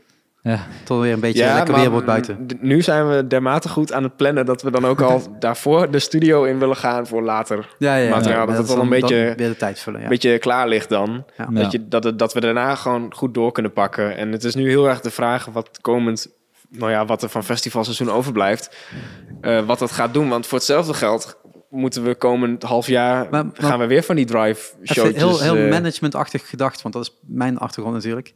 Dat betekent dat jullie de andere plaat hebben afgeschreven. ja, min of meer. Ja. Je bedoelt eh, die afgelopen februari. Ja. Ja.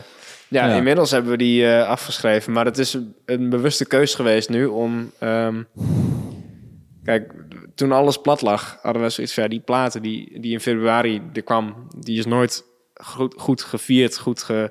Ja, je had je Uit- release show en dan eindigde Ja. het. Ja. Kijk, en voor ons eh, is het feit dat je nu een live plaat doet, is. eh, daarmee sluiten wij zeg maar die eerste en die tweede plaat. Dat is een mooie afronding. Mhm.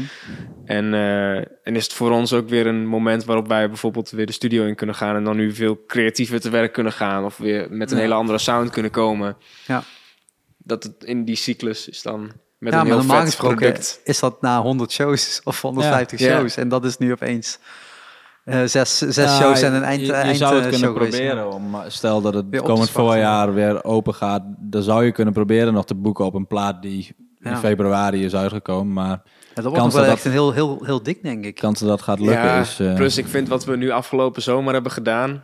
Kijk, als, als, als eh, eh, corona geen ding was geweest, dan was dit allemaal nooit gebeurd. Nee. En eigenlijk, ik vond het zo'n leuke zomer. Ja. Ik heb eh, zoveel hele leuke dingen Zegt, gedaan. zegt, zegt jullie bankrekening dat ook of niet? Nou ja, Of zegt hij vooral, jullie hebben heel veel shows gemist? Ja. in- Nou ja, maar er zijn vooral weinig kilometers gemaakt. Ja. Dus eh, dat, dat dan maar wel weer. het, het grote voordeel van corona is dat je wel makkelijker kunt opvallen. Door dit soort dingen te bedenken, je, buiten je Ja. nou ja, het, valt, ook, het valt een beetje op welke artiesten... Wie, wie, wie doet de moeite om heel creatief te zijn en wie, wie pakt het aan? Nou ja, wij, wij konden het gewoon niet laten om zoiets te doen. En plus wat ik heel mooi vond is toen we dat toertje deden met al die drive-to shows. Je had echt iets wat van ons is. Ja. Het, Ja. val- het, het verbaast mij nog steeds dat niemand anders dit ook gedaan heeft. Maar, Maar, maar vaak is dat zo'n zo'n repetitiehok waar mensen dan in zitten, of mensen, bandleden in zitten. En die bedenken dat en die denken, ja, en dan moet ik dat doen. Ja, Weet je, dat, Ja. je, moet, je moet wel echt de schouders eronder zetten om een Ja. succes te laten worden. Dat, dat zien mensen of niet, want ze zien alleen maar de werk. foto's en de Ja. filmpjes, maar er zit echt veel tijd en eh, veel werk in. Dat Ja. en ik denk dat heel veel bands daar ook gewoon geen zin in hebben, want die willen gewoon spelen. Hmm. En al het andere werd geregeld door een poppodium, werd gere- geregeld door iemand anders. en, en nu valt Ja. dat toch veel vaak terug op gewoon alleen de band. Gewoon de keer en, die moet dat maar gaan organiseren. En Ja. ik denk dat dat dan weer het voordeel is van het feit dat wij inmiddels dan al zes, meer dan zes jaar bestaan. Is je weet precies wat je ook aan, aan elkaar hebt. Ja. Kijk, eh, eh, plus dat wij bijvoorbeeld, wij schrijven heel veel, maar je weet ook dat bepaalde mensen in de band die zijn productioneel heel handig.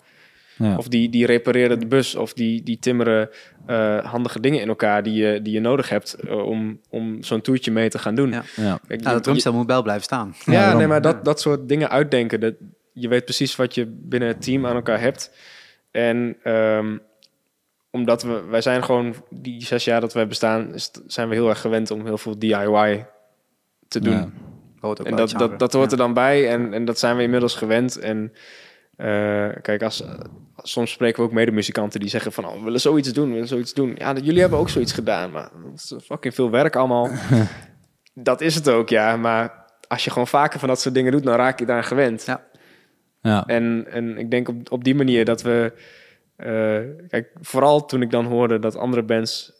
Als er dan te veel moeite is, toen had ik al zoiets van... Oké, dat misschien is dit dan inderdaad nu iets wat ons dan uniek maakt. Ja, je, je onderscheidt je daarin. Want op het moment dat eh, iedere band denkt, ik kan met 70% wegkomen, ja, die tijd is al lang voorbij. Je moet 100 en je kunt niet boven de 100, dus dat is heel moeilijk uit te leggen. Maar je zult echt nog wel twee, drie stappen extra moeten doen Mhm. om op te vallen. Want iedereen kan nu relatief makkelijk 100 halen als ze willen. Ja. Ja. Maar dan hè, dit unieke bedenken en het nog eens een keer uitvoeren. Hè, dat unieke bedenken, dat zullen wel meer bands geluk zijn, maar het uitvoeren, Ja. niemand dus. Terwijl Ja, je denkt, weinig, ja, ja. ja. Ja. Dus je denkt, ja, dat, dat- jammer. Ja, En dus- zo is het natuurlijk ook wel binnen, binnen, binnen deze, eh, de afgelopen maanden, hoe poppodia ook hè, zo verschillend eh, eh, uiteindelijk zijn, zijn geworden. Sommigen die hebben zich volledig op livestreaming gericht, anderen die hebben zich juist op heel erg sessieniveau gericht en anderen die zeggen van oké, we gaan gewoon eh, niet in ons eigen ruimte iets doen, maar juist daarbuiten, want dan kunnen we op die manier zichtbaar zijn. En ja, zo Ja. krijg je dan natuurlijk ook met bands zo, zoveel onderscheid. Ja. Nou, het scheelt ook wel enorm, denk ik, dat... eh, nou, we kennen Tim sowieso ook al bijna zes jaar, maar... Als je bijvoorbeeld... Mijn broertje is de bassist, de toetsenist is echt van mijn broertje en mij. We zitten in dezelfde kameradengroep, we zien elkaar echt heel vaak, weet je wel. En wij, wij gaan dan ook voor zo'n drive-in festival, zijn we gewoon vier dagen, de hele dag tot 's avonds laat, daar gewoon op dat weiland bezig aan het bouwen Mm. en shit. En voor heel veel bands is het al moeilijk om een repetitie te plannen, weet je wel. ja, En eh, daar ga je, weet je wel. Dat, dat, ja, dat zijn ook wel een paar factoren wa- die wij in ons voordeel hebben, waardoor zulke dingen makkelijker worden. Ja, en ik denk dat wat je eerder in, in een ander interview ook zei, dat het heel streekgebonden ehm Ja, ook. Ja. Dat is, de grap is dat wij zijn een band uit ergens ver Oost-Nederland, in eigenlijk een, een heel klein dorpje. En dat heeft heel veel nadelen. Eh, het feit dat je eh, om een, om een, een de journalist... popronde is altijd ver weg. Ja, nou ja, dat, dat, dat ook. Maar voordat je een journalist naar je show krijgt... Ja. of voordat je een, een fotograaf... Weet je, dat, Heel lang heeft het geduurd voordat we een beetje netwerk hadden, omdat we nooit, eh, of ja, minder gauw, we zitten niet op, het ligt niet zo de dicht- hoek. niet zo dicht bij het vuur, zeg maar. Ja. Alleen het voordeel is dan wel weer dat eh, iedereen die wel om de hoek woont, die gunt je ook het, het allerbeste. En ehm, als je dus iets gaat opzetten als dit, Ja. vooral, dat komt vooral naar boven als je dan zo'n zo'n drive-in concert op een weiland hebt. En nou, je hebt van die platte wagens nodig als podium, je hebt een overkapping nodig, eh, mensen die jou helpen met merchandise of met het opbouwen of Ja, een toiletwagen, een de, kraan. de lijnen uitzetten. En, ik bel eh, gewoon letterlijk gewoon een loonwerker die ik gewoon persoonlijk ken, omdat wij daar gewoon soms wel eens een biertje mee drinken, zeg maar. Ja. Gewoon mag ik een kraan lenen. gewoon echt een huge ass kraan gewoon. Dat drie is- uur later, Ja, er komt een huge ass kraan. Dat, is, dat is ook voor heel veel bands, ligt dat niet binnen de mogelijkheden Nee. om zoiets... eh, Nee, en dat is natuurlijk het, het, hetgene waar het eigenlijk al- altijd op terugkomt, eh, het netwerken. Ja, Eh, het is dat een is ander soms- netwerk. Dat Ja. Nee, exact, eh, exact dat. Maar eh, dat gaat veel breder dan alleen maar eh, de, de schrijvers, de fotografen of, de, of andere mensen van de pers kennen. Ja, en ik vond dit ik, vooral die, eh, eh, het feit dat je die drive-in doet en het is dan in Lemelen. Dus het is, het is moeilijk om, om mensen, mensen van kranten en mensen Ja. van muziekpers erheen te krijgen. En, maar dat geeft juist voor jezelf ook wel een bevestiging van doe gewoon wat je vet vindt. En, Ja. Ja. en laat je niet, tuurlijk, het is, je wil dat er veel aandacht vanuit het hele land aangeschonken wordt, maar laat het je niet eh, in de weg zitten. Weet je, doe gewoon, als jij hier een of andere mega vette drive-in show gaat doen en, en je weet het ook gewoon vet vast te leggen op beelden, dan ziet de rest ziet het uiteindelijk wel hoe vet het was. Ja. En, en ja, En voor jullie dan, en hopelijk voor heel veel andere bands, eh, hè, als 2021 wel veel meer kansen geeft, dan heb je een heel mooi promomiddel van kijk wat we allemaal hebben gedaan Mhm. in dat afgelopen jaar. Ja. Terwijl de anderen juist aankomen met een plaat van drie jaar geleden. Want die Ja. waren nog net in die cyclus, zeg maar, van we gingen Ja, op tour. Nou, er Eh, gaan ook heel veel dit- mensen met een nieuwe plaat komen, denk ik. Maar eh, Ja, maar voor het boeken, dan moet je wel op tijd zijn, zeg maar. En ik denk dat daar gewoon dadelijk nog voor, voor eh, de boekingskantoren, voor de festivals, voor de podia, de uitdaging komt te zitten. Met welke informatie ga je je najaar, want daar zijn we mee bezig. Het voorjaar ben ik nu al bijna aan het afronden in, in Volt. Ja. eh, het najaar mee boeken. En dat doe je normaal gesproken op Eurosonic Noorderslag. Begin je daarmee. En dan krijg je die hele stroom met nieuwe releases. Ja. mhm. Maar als die nu uitblijft, ja, je zal je festival wel met dadelijk, als een festival opeens in de zomer wel mag, wel moeten invullen. Ja. Of willen invullen, zou ik het zo zeggen. Moet dus een beetje groter worden. Want ik denk dat er nog een hele festivals zullen zeggen van we slaan toch nog een extra jaartje over. ja. Want het is te riskant. ja. ja, precies. Maar dat zullen we wel zien. Zullen we een beetje afronden? Want Ja, eh, eh, eh, het licht wordt er niet beter op, kan ik vertellen. Ah, het verhaal is ook rond. We zijn, Ik bij, denk inderdaad dat het verhaal rond is. we En- zijn bij nu. En ik heb ook echt, ja, ik heb ook echt wel zin om, om die videoclips nu te gaan opnemen. Ja, ik ook. Want anders hebben jullie daar helemaal geen stem meer. als we hier nog uren blijven praten. Nee, ja, ik, ik, ik vind het leuk om jullie zo te horen praten over eh, vooral de, de, de groei van die afgelopen periode. Mhm. En ook in de, de afgelopen maanden dan nog eens een keer specifiek. Om ook gewoon hopelijk jonge bands te enthousiasmeren van hey, je hoeft niet alleen maar in dat repetitiekot te zitten. Je kunt wel echt meer dan dat zijn als band Ja, zijn. ja, En dat zul je ook wel moeten in de toekomst. Ja, wij denken gewoon altijd heel... eh, soms de- komen er plannen in je op die echt out of this world lijken. ja. Dat, je, dat je al denkt van, dit, dit ga je nooit voor elkaar krijgen. Maar Het lukt wel. kijk dan hoe ver je in ieder geval wel kunt komen. En dan, dan En het is ook wel, elke keer als we met zo'n idee komen en we hebben besloten we gaan het doen, dan is het ook wel even van, oké, hier En gaan dan we, hier gaan we gaan weer.